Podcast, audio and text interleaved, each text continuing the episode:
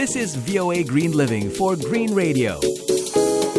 The Eco Lifestyle of Jakarta. Halo sahabat Green, salah satu cara terbaik membantu lingkungan mungkin hanya dengan sesuatu yang sudah kita punya, termasuk makanan.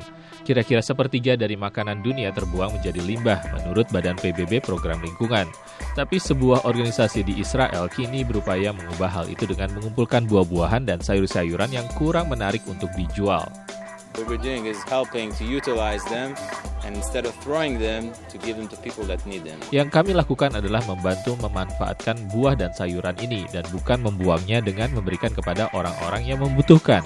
Demikian ujar Oren Herskowitz, relawan untuk organisasi Leket, yang mendistribusikan makanan kepada orang-orang miskin di seluruh Israel.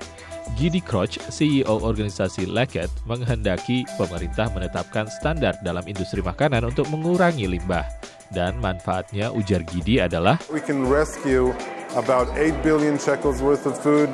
kita bisa menghemat makanan bernilai kira-kira 8 miliar shekel atau 2 miliar dolar. Gidi Kroch menginginkan Israel menerapkan tujuan PBB untuk mengurangi limbah makanan sebesar 50% dalam 15 tahun ke depan, yakni dengan bertujuan menyediakan banyak makanan kepada orang-orang yang membutuhkan dan mengurangi makanan yang terbuang percuma ke tempat-tempat pembuangan sampah. Dan sahabat Green, demikian informasi lingkungan hidup kali ini. Saya Ian Umar segera pamit dari VOA Washington. Stay green on Green Radio. The voice of America.